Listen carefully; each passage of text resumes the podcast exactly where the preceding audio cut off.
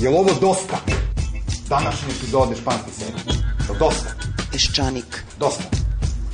Ona kaže ubaci kartu, nisam ubacio kartu. Na samom početku glasanja ustaje sa svog mesta. Jasno je da se izbori moraju održati. 2000 kvadratnih metara je dato na licitaciju. To potpuno nije tačno. 3 miliona evra.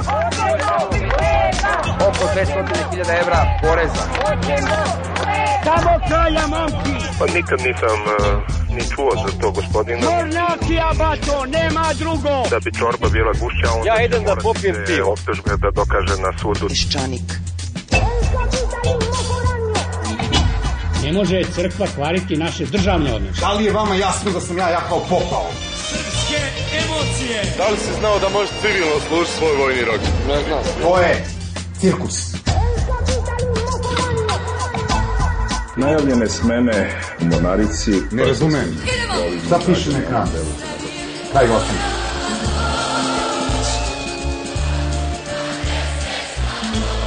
U toku istrage koja je započeta, bit će saslušani oni koji su imali pominju.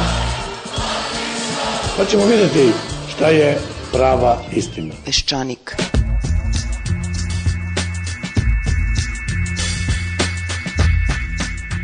Dobar dan. Znam da je predizborna tišina, ali moram nešto da pričam, tako zarađujem hleb. A i koristim skoro jedinu prednost koju ja, kao ostrom i sva ljudska bića, imam nad majmunima. Etiopljani čak veruju da majmuni znaju da govore, samo neće, da ih ne bi terali da rade. Dakle, ne smem da pominjem predsjedničke kandidate i samo zato ću pomenuti Vojislava Koštunicu, inače ne bih. Jedan od zanimljivih argumenta zašto treba bojkotovati sutrašnje izbore je da ako sutra popunimo predsjedničku stolicu, kućemo sa Koštunicom. Predsjednik vlade ne može biti, mora mnogo da se odlučuje, sve ostalo mu je ispod nivoa. Sve mesta patrijarha, ali tu ima nekih nepremostivih prepreka.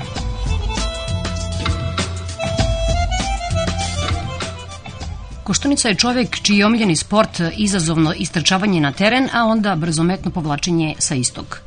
Kako se ono nekad govorilo za stil igre naših futbolera. Umiru u lepoti i primaju golove. Argumente za izlazak na sutrašnje izbori ste čuli, jedan je i treniranje demokratije. Taj sport, kao i svi individualni sportovi, nam ne ide od ruke. Može da se desi da čuveno sretenje dočekamo i bez ustava, i bez predsjednika, i bez parlamenta. To bi bio samo nama svojstven način da proslavimo prvi srpski ustanak, sretenski ustav, koji u stvari nikad nije primenjen, i kako kažu, pa slažu, 200. godišnjicu srpske države. Turci su ostali još pola veka posle 804. Naši vekovni gospodari Turci ove godine slave 80 godina od postojanja moderne države kojim je stvorio Kemal Paša Ataturk. Ataturk je još tada zabranio nošenje feređa i fesova u državnim institucijama. Njegov sledbenik, sadašnji turski predsjednik, na proslavu neće pozvati narodne poslanice, ani supruge poslanika vladajuće Erdoganove proislamističke partije koje nose feređe. Taj mu se način borbe protiv islamista očigledno nije pokazao uspešnim, Danas su to platili jevreji. Čuli ste u vestima da su u jutrošnjim bomaškim napadima na dve sinagoge u centru Istanbula poginule 24 osobe.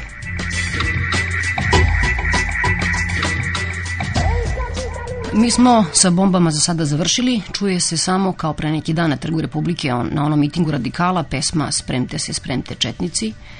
Čuo se ovih dana i urlanje šovinista na pravnom fakultetu, Tamo su na tribini posvećenju rešavanju kosovskog pitanja govorili senator Republike Srpske i akademik Republike Srbije Kosta Čavoški, a probala je da u razgovoru učestvuje Biljana Kovačević Vučo, dok je vrle patriote nisu naterale da ode. Umesto na pravni fakultet, mi smo toga dana otišli na jedan drugačiji skup sa istom temom, dakle temom Kosova, Sonja Biserko je na tom skupu a, podsjetila da je Holbrook nedavno u Beogradu rekao otprilike sledeće. Vi ste sada, gospodo, pred izborom Kosovo ili Evropa. Ako se opredelite za Kosovo, izgubit ćete i jedno i drugo. Holbrooku je na to Čović navodno odbrusio da ako izgubimo Kosovo, ne treba nam ni Evropa. Sada ćete čuti šta, šta je na toj javnoj debati o Kosovu rekla profesorka pravnog fakulteta Olga Popović-Obradović.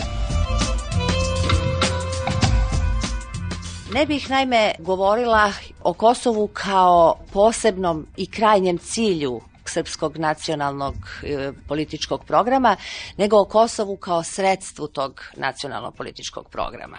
Ja ću ovde navesti reči jednog od veoma uglednih i uticajnih radikala Srbije vremena pre 1914. godine. On kaže ovako, zadatak je učitelja u Srbiji uvek bio da vaspitavaju podmladak kako će kao budući građani pokajati Kosovo i stvoriti veliku Srbiju. Vekovima je srpski narod robovao i borio se samo da osveti Kosovo. Mi ne smemo stajati skrštenih ruku kad nam se čupa iz nedara srce srpskog naroda Bosne, stare srpske kraljevine i Hercegovine, Vojvodine, Svetoga Save. Ovo što je protad Milan Đurić govorio i nazivao osvetom Kosova, izrečeno je u vreme aneksione krize, a povodom srpskih pretenzija na Bosnu i Hercegovinu. Na ovaj način je Srbija posle nekoliko ratova neprekidno se inspirišući, ali i eksploatišući kosovski mit i tu krilaticu osveta Kosova, napokon 1. decembra 1918. godine stigla do jugoslovenske države. Poslednje veliko rekomponovanje bivšeg jugoslovenskog prostora započelo je nakon osme sednice, onda kada je stavljeno na dnevni red kosovsko pitanje i kada je Srbija postavila zahtev da se Kosovo reintegriše u ustavni sastav Srbije. Kada je jednom Srbija pokrenula to ustavno pitanje, ona je odmah dobila saglasnost od strane ostalih članica Jugoslovenske federacije da izvrši tu ustavnu e, reformu i odmah se pokazalo vrlo brzo nakon toga da Srbija nije imala u vidu, odnosno nije imala kao krajnji cilj isključivo recentralizaciju e, Srbije, nego i recentralizaciju čitave Jugoslavije I tada su ideolozi centralističke Jugoslavije, koji su u to vreme postali sve prisutni u javnosti, objašnjavali da konfederacija, dakle sporazumni princip Jugoslovenske države, pretpostavlja rat za promenu granica od Mađarske do Jadranskog mora, rat koji može koštati više od milion žrtava. Ovo što sam sada parafrazirala reči su poznatog jugoslovenskog istoričara Milorada Ekmečića iz tog vremena ta jeziva pretnja srpskih intelektualaca vrlo brzo se pretvorila u jugoslovensku realnost i ta famozna osveta Kosova završila se zapravo e, srpskom osvetom Jugoslaviji. Zašto danas mislim da ima smisla govoriti o ovoj ulozi Kosova u Srpskom nacionalnom programu, dakle o Kosovu ne kao cilju nego kao sredstvu e, nacionalnog projekta? Zato što je danas ponovo ta uloga postala aktuelna. Dakle, dve godine nakon pada režima Slobodana Miloševića, Srbija je ponovo otvorila pitanje državnih granica na Balkanu. Ponovo je to uradila preko Kosova, zapretivši da će Srbija zatražiti novi Dejton i sveukupno redefinisanje granica na Balkanu ukoliko Kosovo nastavi da insistira na nezavisnosti a potpredsednik vlade Nebojša Čović pojasnio je stav vlade u odnosu na pitanje Kosova sledećim rečima. Ako su oni, to jest Albanci, za nezavisnost, mi, to jest Srbi, smo za podelu kosmeta. Time je on po ko zna koji put zapravo ponovio staru ideju koja je definisana u krugu nacionalističke inteligencije oko Dobrice Ćosića i u drugoj polovini 60. godina ideju o podeli Kosova kao optimalnom rešenju pitanja Kosova sa tačke gledišta srpskog nacionalnog interesa.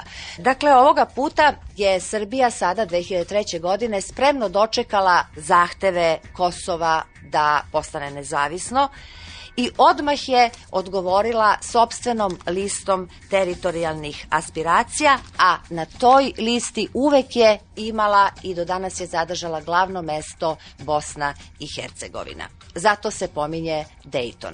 Reč je dakle o pokušaju Srbije da trguje teritorijama Kosovo, odnosno jedan njegov deo, se razmenjuje za deo Bosne i Hercegovine, to jest za Republiku Srpsku i srpski nacionalisti danas već sa prilično velikom teškoćom, ako uopšte i pokušavaju, da sakriju činjenicu da su uvek u stvari imali u vidu i tradicionalne pretenzije Srbije da prostor Makedonije takođe smatra sobstvenim državnim prostorom, iako se na kraju tome doda i Crna Gora, kao druga srpska država, kako se ona redovno kvalifikuje u nacionalističkim krugovima, onda je jasno da Srbija danas u ovom trenutku 2003. godine ne smatra pitanje granica na Balkanu okončanim i da u stvari računa na novi krug iscrtavanja etničkih granica.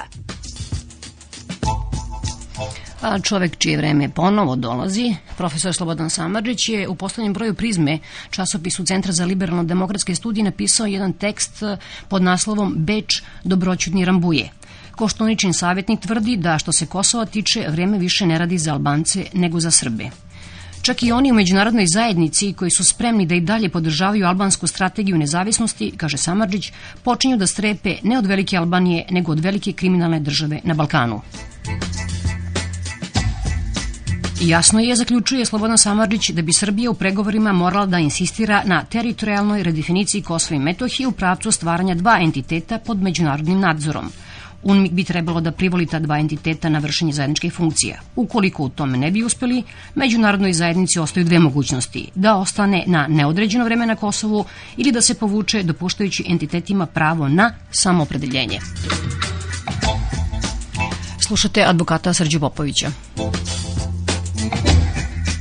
Postojala je na strani režima Slobodana Miloševića jedna čvrsta želja da vrlo komplikovane, teške, dugoročne probleme Kosova rešava silom. To je bilo očigledno već onda kada je hapsio Azema Vlasija, pa je bilo očigledno kad je tokom mirnih demonstracija bilo pobijeno 27 Albanaca u Prištini, ranjeno vaternim oružjem preko stotinu, I Miloševiću nije valjao Azem Vlasi, dobio je Rugovu. Nije mu valja Rugova, dobio je Tačija. Nije mu valjao Tači, dobio je NATO. Jasno je bilo već tada da ta politika ne može da vodi ničem dobro. Ja ću sad samo još na kraju da vam skrenem pažnju na ono što smo mi tada, pre 13 godina, govorili na tu temu. Stiče se utisak, to je jedan od tih zaključaka, da je jedna pogrešna politika na Kosovu rešena da u njoj ide do svog potpunog pojaza. Ona, raspolažući silom, ne vidi šta bi dijalogom mogla dobiti.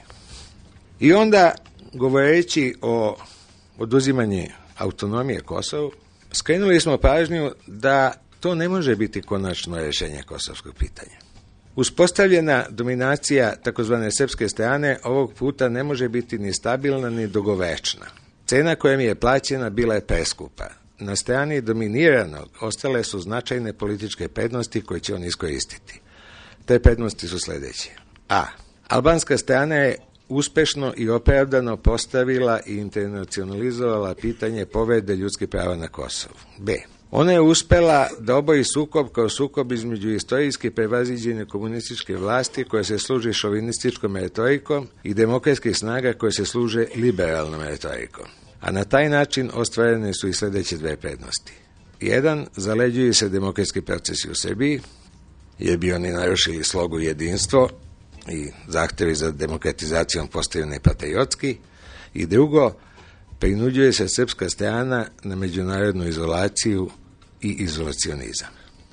I meni se sad čini kad ovo, kad se vratim na sve ovo, da smo obišli pun krug. I čini mi se da je ta politika sile dovela do potpunog pojaza. I mogu da se usudim i to da kažem, znam da to nije popularno, nikada više Kosovo neće biti u sastavu Srbije, sem u slučaju nekog trećeg svetskog rata.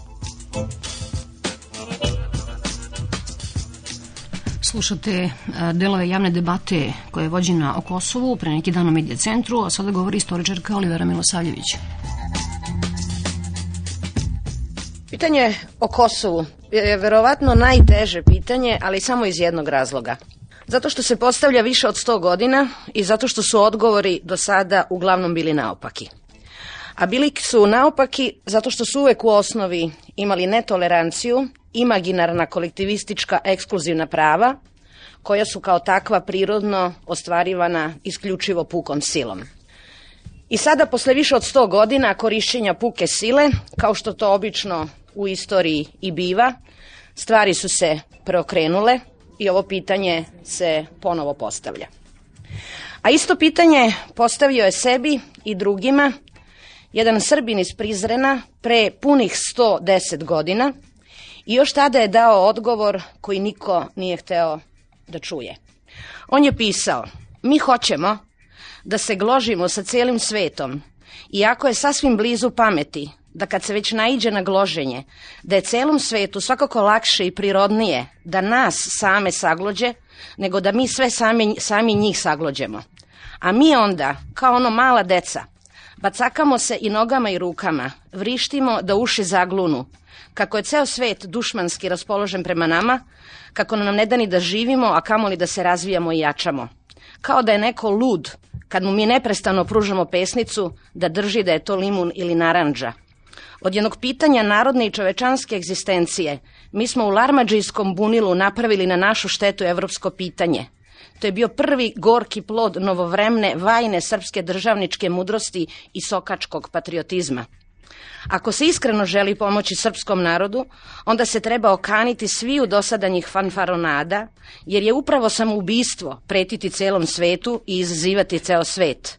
Da valja jednom pojmiti da Evropa nije naša poturica, njene odluke nisu odluke jednog našeg seoskog zbora koje se mogu prevrnuti našom dževom. I u prvom redu da se valja okaniti apelovanja na silu, već da valja pozivati se na svoje pravo i respektovati tuđe pravo a naučilo se da se praska i da se diže pleva na vetar. I onda, razume se, nije moglo da izađe drugo do ono što se zadimilo iz vašarske dževe po pivnicama i kafanama u Beogradu. A kad se politički probančilo, konta se podnela na isplatu onom jadnom narodu, koji danas, kao i uvek, treba da se moli milostivom Bogu. Sačuvaj me Bože od namet prijatelja, od neprijatelja sam ću se čuvati. Onaj narod tamo ne može se činiti odgovornim za politička smetenještva nekolicine krakelera po pivnicama i kafanama u Beogradu. Sve što oni rade, rade na svoj račun i njihova odgovornost. Ovo je kraj citata. Ako se na obe strane izabere nacionalizam kao kolektivistička priča, onda niko nema prava da se poziva na individualna iskustva, individualnu sudbinu, niti da traži individualna prava, jer nacionalizam i na balkanski način shvaćena nacionalna država ne priznaju postojanje individue. Pitanje je ima li izlaza iz ovih kolektivnih i u čvor uvezanih nacionalističkih priča. Ako se iz njih ne želi izlaz, onda izlaza nema. Ostaće u čvor zavezane kolektivne priče, kojima će se i sledećih 100 ili 200 godina podređivati individualni životi, za koje nacionalizam ne mari.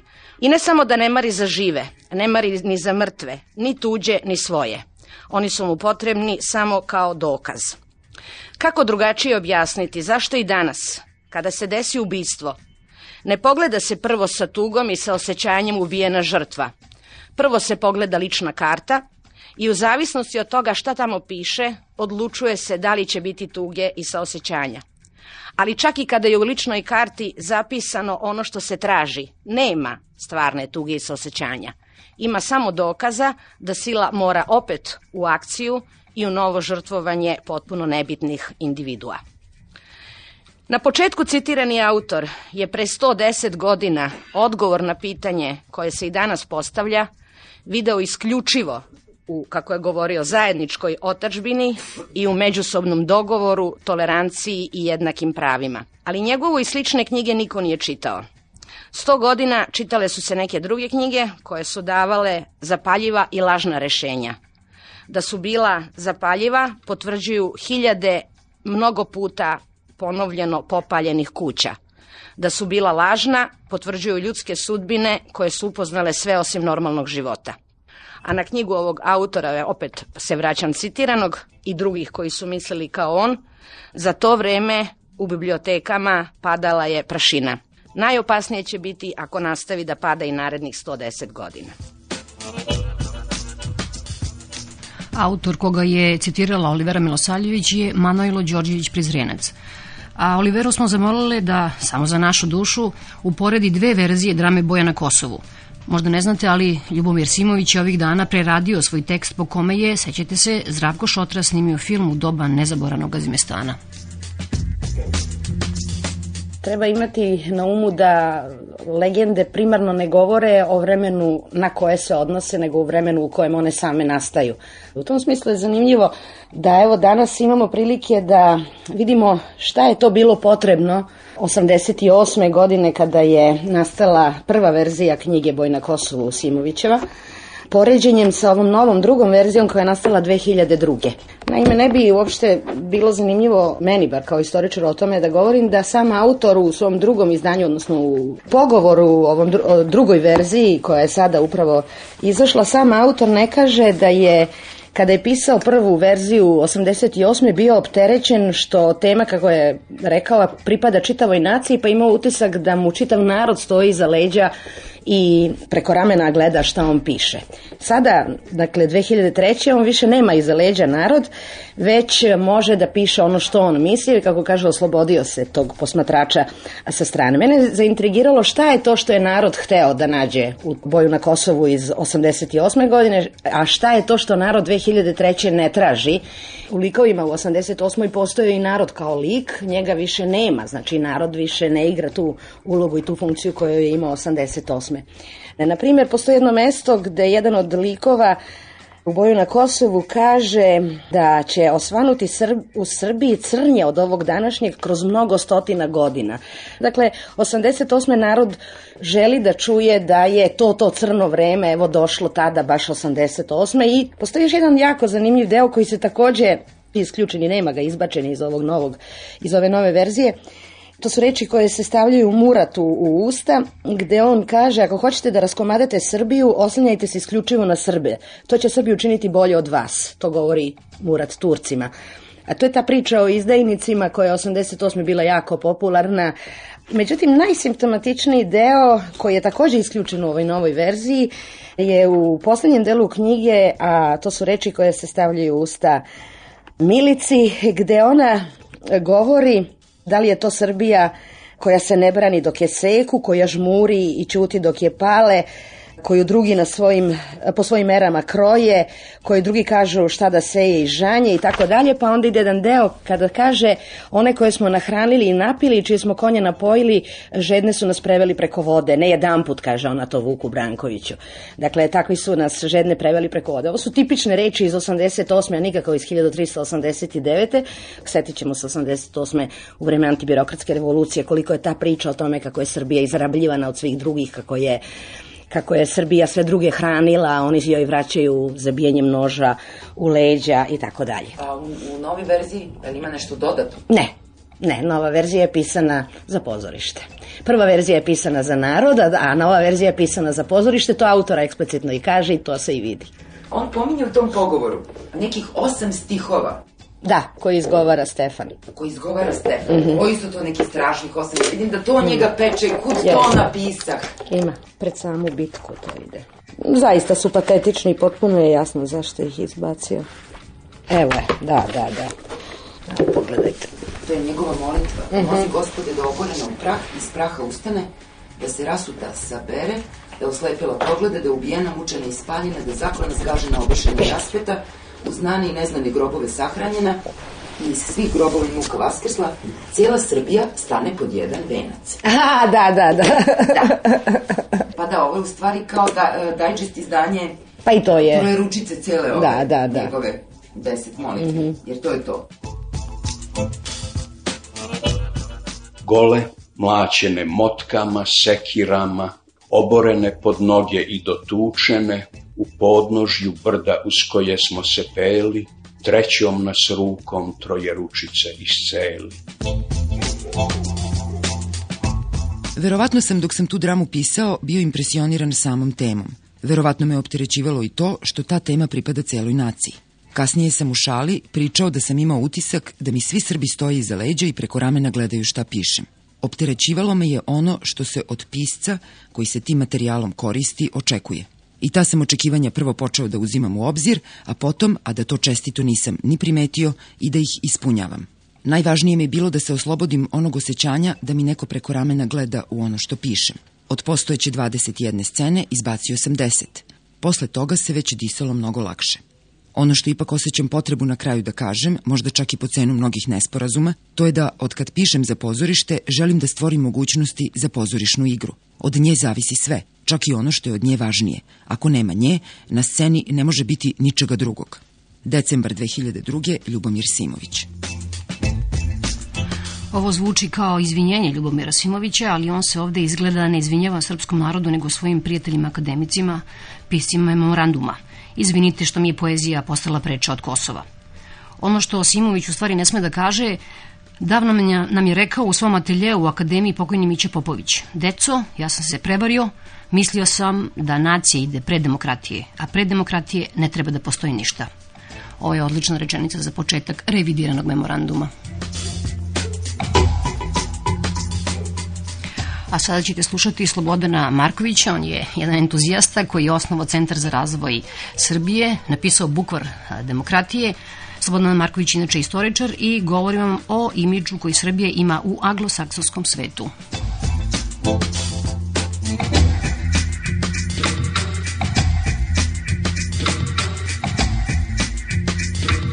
Od 5. oktobra se prošlo kroz nekoliko faza. Prvo je postojala jedna faza u kojoj je došlo do potpunog preoblikovanja imidža, koja je kratko trajala i tu je zaista imao istorijsku šansu, imala jedna osoba, a to je bio Vojislav Koštunica. On je imao izvanredan imidž, znači do toga da su ga sa federalističkim spisima slikali u rukama, nasuprot Miloševiću, koga su slikali kao čoveka koji seče jednu šniclu u obliku Jugoslavije, onda je kasapi. Znači, potpuno su dali jedan drugačiji imidž i šta može jednom Amerikancu da bude bliže nego da su izabrali u nekoj zemlji predsednika koji se bavi njihovim ocima nacije, kako ih oni zovu. Sad, od tog imidža nije potrebalo mnogo vremena da se on radikalno pokvario. Znači, već negde najkasnije od aprila 2001. Tokom 2001. ono što se u stvari dešava na planu imidža Srbije u anglosaksonskom svetu je na neki način slika onoga što se dešava u Srbiji. Znači da imate dva medijska centra moći, jedan oko predsednika Savezne države, drugi oko premijera, koji na razne manipulativne načine jedan drugog ocrnjuju, a rezultat svega toga je da su oba tima uspeli da ocrne onaj drugi, čak i u zapadnim medijima, kako gde, a rezultat je da je Srbija ponovo dobila jedan problematičan imidž i to je prilike jedna tendencija koja se nastavila tokom 2002. Onda je tokom operacije Sablja to sve zaustavljeno, do toga da smo sada došli da se Srbija mnogo ne pominje, a kad se pominje, uglavnom se pominje u e, nekom kontekstu nestabilnosti.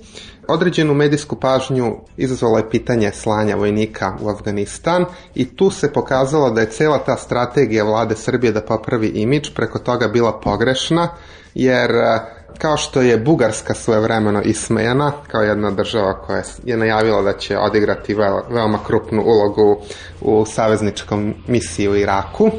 Tako je sada i ovde, prosto od New York Timesa pa nadalje, svi mediji su zaspitali šta se da ovo znači. Zemlja koja je bila bombardovana šalje vojnike kao saveznike sa nama, šta se to znači? Znači nije uopšte postignut onaj efekt koji se htelo, da se sada kaže, a, braća Srbi, welcome back. Ne.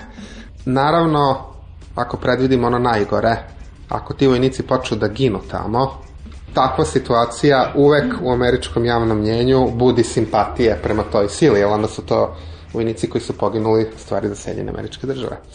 Eto, to je, dakle, ta jedna nesreća, da kažem, koja prati ovaj narod, da je ratovao na raznim ratištima sa raznih strana. Imate onoj čuveni slučaj iz 1914. godine kada jel Srbi ratuju sa obe strane Drine i onda jedan srpski poručnik kaže braćo Srbi predajte se nama iz Kraljevine Srbije a ovi s druge strane kažu Srbin se nikad ne predaje i svi izginu. Znači, to je ta neka naša kob koju smo imali u prošlom vremenu. E sad, ako je to jedini način na koji mi možemo da se uključimo u međunarodnu zajednicu time što ćemo ponovo da ginemo za nekog onda u redu, ali ako postoje neki drugi načini, treba onda na jednom racionalnom razgovoru videti koji su to načini.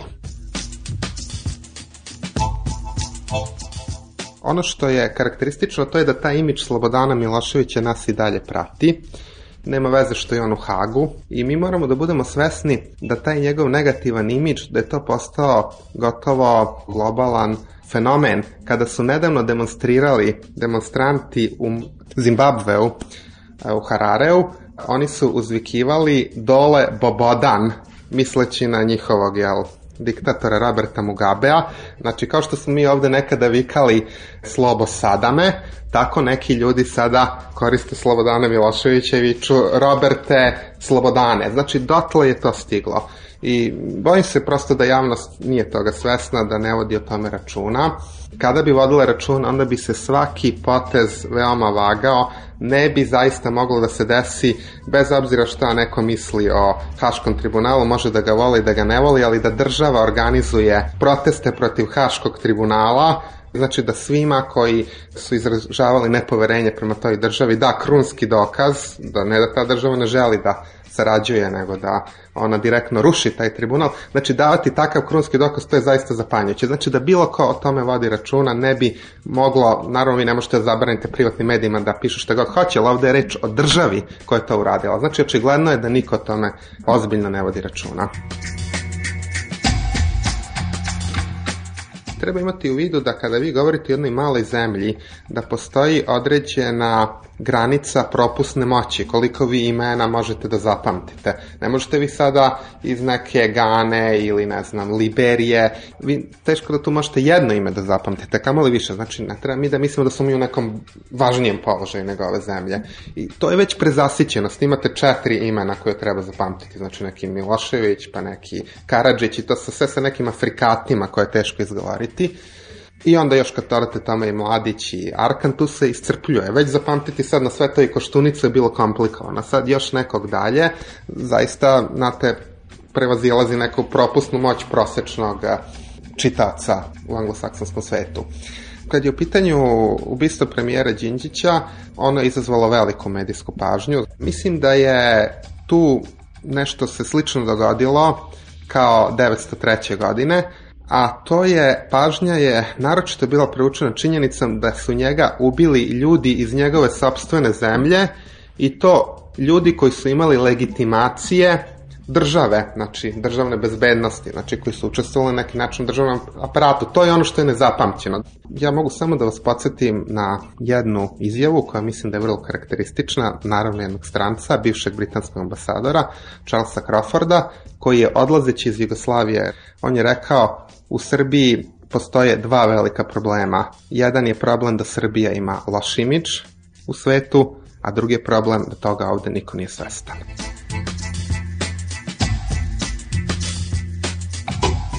Prvo smo govorili o tome kako smo mi srušili Austro-Ugarsko carstvo i Nemačko carstvo vi nigde nećete pročitati koliko je u stvari procenata činila srpska vojska na Solonskom frontu. Znate, 30%.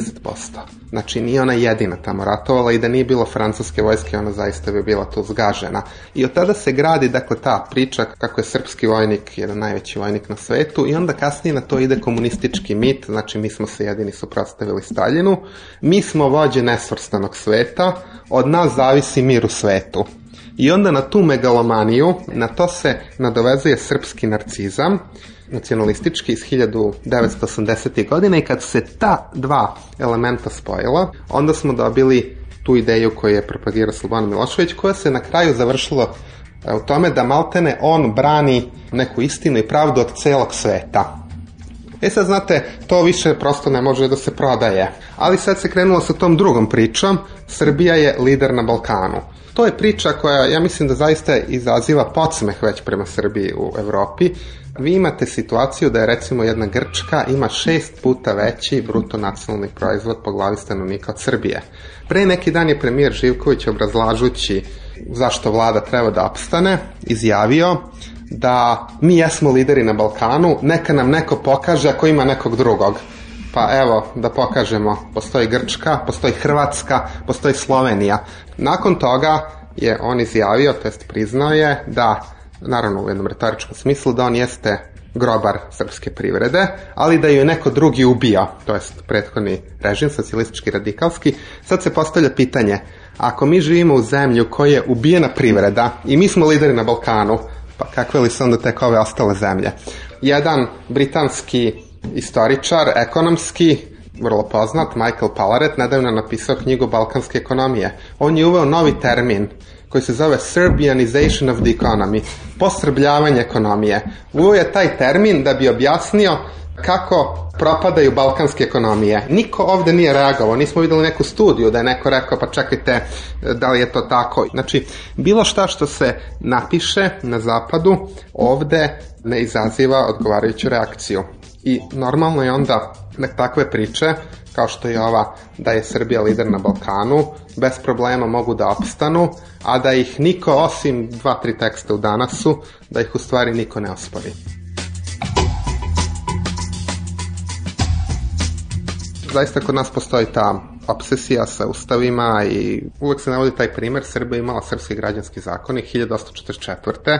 Prva na Balkanu, treći građanski zakonik u svetu, ali se ne kaže da je polovina sudija bila nepismena, što znate imate kod Slobodana Ivanovića vrlo lepo opisano u knjizi o stavobraniteljima. Kada je reč o samom ustavu, prvi ustav koji je stupio na snagu, dakle ne prvi koji je donet sretenski, nego prvi koji je stupio na snagu, dakle to je takozvani turski ustav, donet 1838. Vi nigde nećete naći da je njega dono sultan, odnosno sultan ga je proglasio. Evo šta vam piše u tom ustavu.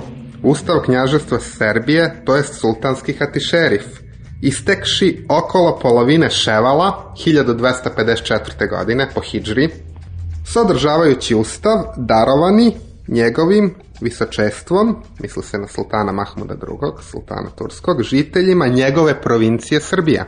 Serbije, izvinite. Znači, nigde nećete ni jednom učbeniku naći da taj ustav proglašava Mahmud II, da je proglašen te i te godine po Hidžri, nego da je Rusija u njegovom donošenju imala najvažniju ulogu.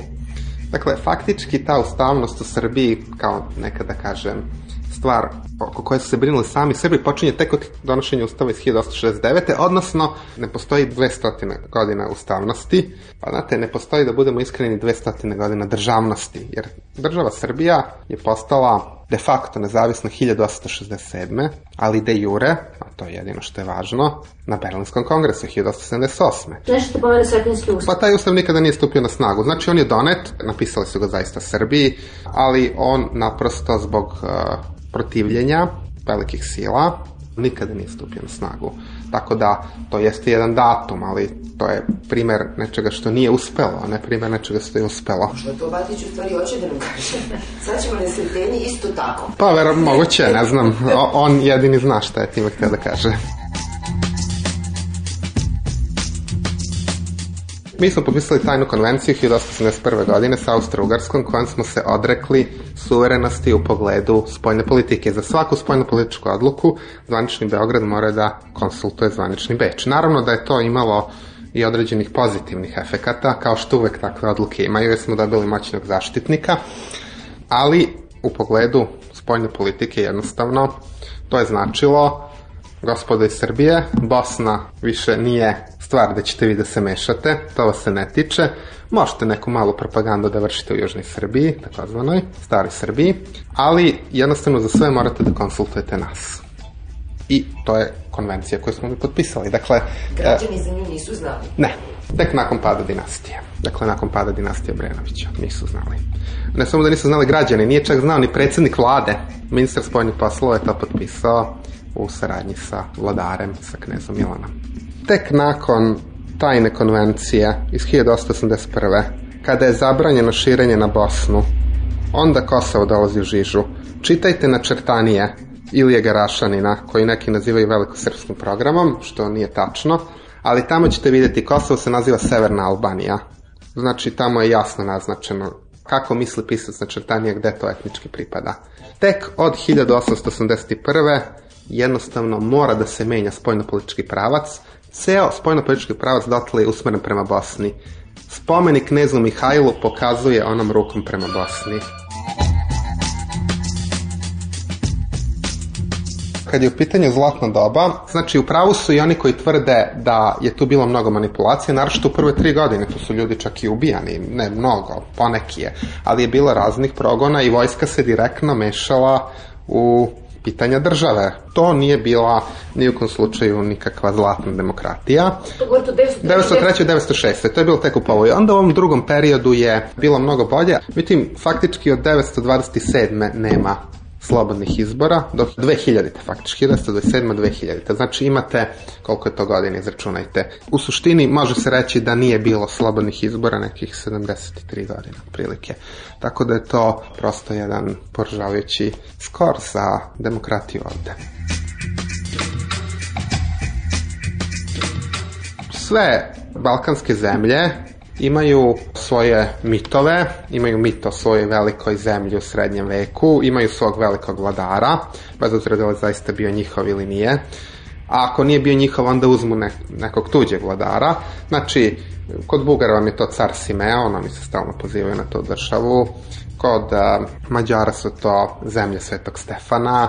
Kod Makedonaca da nemate prosto konkretnu istorijsku figuru na koju bi se pozvali, onda se oni pozovu na Aleksandra Makedonskog, možete da uzmete ko je ko u Makedoniji, knjigu, i sad očekivali biste da to budu neke, da kažem, žive ličnosti, kao svakoj normalnoj zemlji. Tamo imate Aleksandra Makedonskog u, u knjizi Ko je ko u Makedoniji. Kad smo kod Makedonaca, tu smo i kod pravoslavne crkve.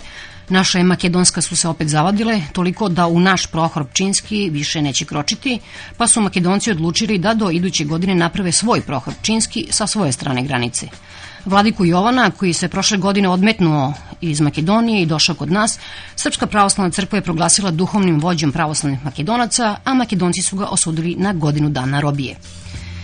Kad god je predizborna tišina, mi imamo više vremena da pričamo u crkvi, a i nakupilo se. O prilikama u Srpskoj pravoslavnoj crkvi govori Mirko Đorđević i to najpre šta bi sa idejom da se proglasi Sveta Gora Fruška. Naime, inicijativa je potekla od bratstva poštovalaca Svete Gore Atonske. Postoje takva bratstva, postoje ogranak jedan i ovde, opšte grčka struja ovde je vrlo, vrlo aktivna. Inicijativa je od njih potekla negde u septembru. Odmah, već početkom oktobra, sremski vladika je prihvatio tu inicijativu i na sva zvona objavio već 4. augusta će Fruška gora biti proglašena svetom srpskom gorom na nivou Svete gore Atovske, pa čak i Svete gore Sinajske, kako bi se tvrdilo se stvori neki duhovni lanac koji će povezivati Srbe koliko sa Srbe ima u Jerusalimu nisam nešto siguran, ali ideja je bila ta. I srećom, kad je već bilo zakazano osvećenje i najavljen dolazak patrijarha, patrijarh se 8. oktobra uglasio jednim pismom u kojem je, videli ste, energično tražio da se sa tim prestane. Proglasiti Frušku goru danas na prolaznom evropskom delu Srbije zatvorenom nekakvom monaškom republikom, to je u principu nemoguće. Ako je tačna teza, tačna je, da je naš stari obrazac kulturni, srpska kultura u 12. veku započela jednim istorijskim bekstvom u manastir, Sveti Sava beži u manastir, Isto tako je tačno da je moderna srpska kultura, evropska srpska kultura, naš romantizam, Vuk, Dositej, sve što imamo od moderne evropske kulture u 18. veku, započela tu na Pruškoj gori jednim bekstvom iz manastira, Dositej iz manastira, Hopovo pobegao u Evropu. Da nevolja bude veća, ja sam to namerno učinio, ja sam podsjetio da se tu nedaleko od manastira nalazili i grob Ivana Stambolića, koji je takođe mučki ubijen i koji spada u novomučenike, bez obzira davno utvrđeno da postoji svetost i van crkve. Srećom stvar se malo primirila.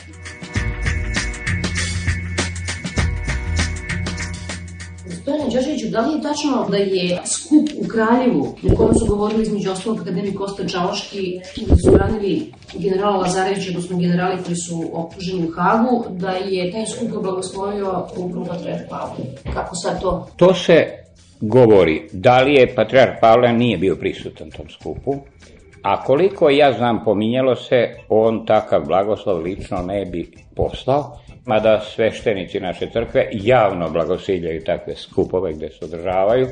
što je duboko pogrešna politika episkopata, jer takvi skupovi koje ste pomenuli, ja sam prisustuo nekima, su prvo nešto neviđeno. Nigde ni u jednoj zemlji sveta, pa i na Balkanu čak, vi nemate da ljudi kojima su objavljene optužnice, koje gone sudovi organizuju političke mitinge. To je samo nešto naše. Ogroman deo lavi, laičke javnosti pomaže da ti skupovi budu brojni, bučni i da se na njima izlaže jedan opak, ja bih čak rekao, anacionalni, antinacionalni program lišen svakoga smisla. Pomenuli ste mogu uvaženog prijatelja senatora Čavoškog. Ono što je on govorio na tom skupu, ako posedujete tekst, je bukvalno neverovatno. Kosovo smo, poslom to ponovi u Beogradu, izgubili silom, silom ćemo ga povratiti. Elementarne su istine, ne iz neke daleke istorije, da je Milošević svojom politikom izgubio Kosovo. Godinama je on dole vršio nasilje umesto da razgovara, ubio je već koliko stotina ljudi i mi danas od Kosova imamo samo, ako tako hoćete, zid plača. Niko nema hrabrosti da kaže da je to peta kompli, svršena činjenica, tužna, bolna, ali šta da radimo? De Gaulle opominjao neke svoje diplomate, pazite gospodo, lepo je to slušati što vi govorite, ali ne zaboravite u Kini žive kinezi. ne vole te paradokse. Na Kosovu živi dva miliona nekog naroda, mahati nekakvim oružjem koje mi nemamo u toj meri da ga vratimo, zaista je nerazumno, a takvi su mitinzi najpotresnije bio nedavno na pravnom fakultetu u Beogradu u velikom amfiteatru, gde su pokušali neki ljudi razumnije da govore, pa su morali da napuste. Skup se pretvorio jedan miting stotina i stotina ljudi koji bukvalno prete svakom ko drugačije Ja tu konzervativnu miso i način mišljenja poznajem i u Rusiji i u Francuskoj, recimo i to detaljno, i ona je konceptualno gledano slična ovome što propovedaju gospoda Čavoški i drugi, ali ni u Rusiji ni u Francuskoj ta konzervativna desnica, kako je popularno zovu, nije tako agresivna. Nema je, decidirano je nema. Zašto? To su razvijerija društva sa višim stupnjem političke kulture, da ne volja bude veće i to da dodam na kraj. Gospodin Čavoški i njegovi sledbenici, pa on lično, nagrađeni su od ove javnosti. Nedavno on izabran za člana Akademije nauka, ni manje ni više. Prosvećeni Rinej Bački po svemu što znamo ne bi spadao u neku liberalniju struju, to je sigurno. Tim neočekivano one na proslave u Beogradskoj nadbiskupi je to bilo, 25. godišnje pontifikata sadašnjeg pape Ivana Pavla II. Izgovorio tolike pohvale papi, kakve se odavna ni u Rimu na papin račun nisu čule. Pa je čak u jednom momentu on rekao, ako videli ste, to je to, ako jednoga dana hrišćanska Evropa, vaseljena u celini, ekumena bude ujedinjena, u njoj će papa biti prvi, prvi poglavar. Zapravo on je izrazio opšti stav crkve istoka i zapada o primatu rimskog pape po istorijskom pravu i po smislu, jer on sedi na prestolu svetoga Petra u Rimu. To je nešto neobičajeno za naše prilike i Justinovci i Nikolajevci su sigurno pali na teme. Jer doskora je kod nas gromoglasno, ja sam to više navoda citirao, citirajući i ovde, važio princip, mi papu rimskog nećemo čak i da pređe na pravoslavlje. Došlo je do velikog otpora u jednom manastiru na planini Jelici.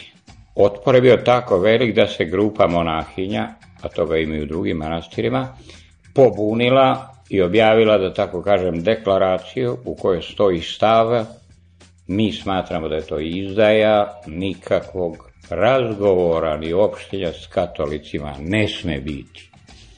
One su odbile poslušnost, dakle, osnovno načelo, Reagovao je brzo duhovni sud eparhije Žičke koji je brzim postupkom donao i ispitao stvari, donao i presudio i izvršio presudu tako što ih izbacio bukvalno fizički napolje iz manastira, provela su noć pod vedrim nebom.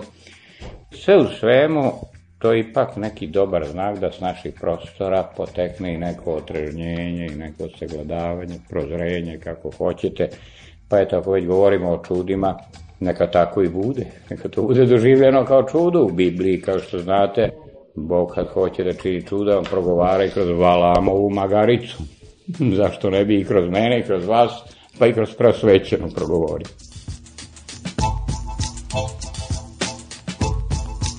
Država je pomogla crkvu sa nekoliko desetine miliona dinara. Država konstantno pomaže crkvu. Tako da sume koje se pominju mnogo su veće. Problem je u tome što u crkvi gde se formira budžet, on se izgleda ne raspoređuje valjano kako treba, pa je budžet, iako nije mali, jer naša crkva sad prvi u istoriji nije siromašna crkva, pa je budžet brzo istrošen. Primera radi, trenutno se na terenu, na teritoriji Šumadijske eparhije gradi ili se došava 200 crkava. Niko nema hrabrosti da pita šta će nam tolike crkve. To je mnogo. Kao što je u svoje vreme, ne sećam se koji vladika naš imao hrabrosti da pita pa za Boga šta mi ovo radimo sa hramom Svetoga Sava. Kada mi crkva Svetoga Marka, koja je monumentalna katedrala, stoji prazna. Kaže, mnogo bi bolje bilo, ne bojim se to da kažem, kad bi te crkvene financije bile javne. Zašto ne bi bile javne na godišnjim skupštinama? Zašto sabor ne bi objavljivao, pa bi onda bilo jasno i ono pitanje koje narod voli, kuda idu pare. Ali ja hoću da naglasim, hvala Bogu, prvi put e, u istoriji naša crkva nije siromašna crkva, to se zaista ne može reći. Ona dobije ogromnu pomoć od sestrinskih crkava. Primjera radi, ona dobije ogromnu pomoć od protestantskih crkava Nemačke, Njihovo je delo te pomoći Bogoslovski fakultet na Karaburmi ogromne investicije.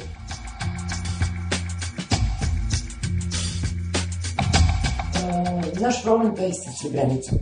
Bez obzira što su, koliko sam shvatila, vlasti federacije obustavile daljnju gradnju hrama Svetom Sisoju. Postoji takav svetac. Zahumsko-bosanski je vladika održao liturgiju na tom mestu pre, recimo, dve nedelje. Koji je tu motiv? Je to neka kao antipokajnica? Je to pokrivanje tragova? Mislim, I onda vrhunac svega baš posvetiš crkvu čoveku, to jest svecu koji je zaštitnik dece. I ima u tome nečeg nastranog, perverznog, strašnog. Ali to nije jedini slučaj. Mi imamo batajnicu pod našim prozorima gde leže hiljade leševa ljudskih. Nemojte mi govoriti pa to su Albanci. Ko još zna ko su? Neka su pa na kraju Albanci su ljudi. Srebrenica je na kraju, ako hoćete, zločin, to nije moja ocena koja je obeležio kraj 20. veka. Vi na tuđim žrtvama, tuđim kostima dižete crkvu, ta crkva, otvoreno kažem, nikakvog smisla nema i ostaće deo sramote u istoriji naše kolektivnog pamćenja. Primera radi, sve su džamije srušene, srušena je Ferhadija, pa ono što je nama studenica, to je tom narodu Ferhadija. Pravi korak bi bio da se patrijarh srpski, sa svim vladika, sveštenstvom, uz zvonja uz zvona, uputi peške prema Bosni, prema Srebrenici, da tamo klekne, da se pokaje i pomoli za te ljude, to bi opravdalo i narod naš i našu crkvu. Zašto je to sramota što papa rimski gde dođe prvo što radi klekne? Jer nema crkve ako u njoj nema pokajanja i prašta. Onda nje ne. Ostaje ljuštura jedna istorijska, jedna institucija s kojom mogu manipulisati juče Milošević, posle Karaži, sutra ne znam ko, onda crkve nema.